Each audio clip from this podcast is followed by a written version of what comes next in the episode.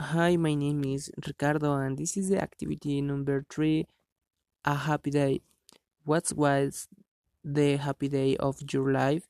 The happiest day of my life was when I was the chambering of my best friend who that same night would become my girlfriend. What's happened? That day was a great celebration as we celebrating is 50 birthday big. How did you feel?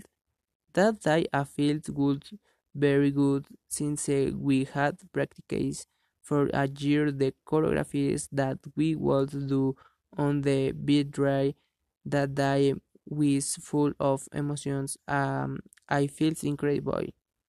Why what is the happiest day of your life?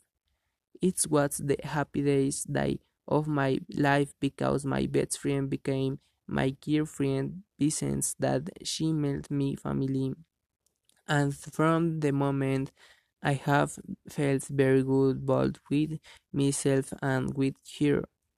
Why is it important to know about the past events?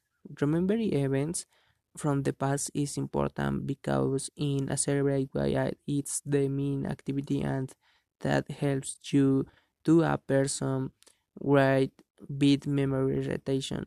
Remembering events from the past as lo has its advantages and this is an advantage since uh, they can be both bad deeds and good things and depending on the person it might affect you or or cause your satisfaction um, when remembering it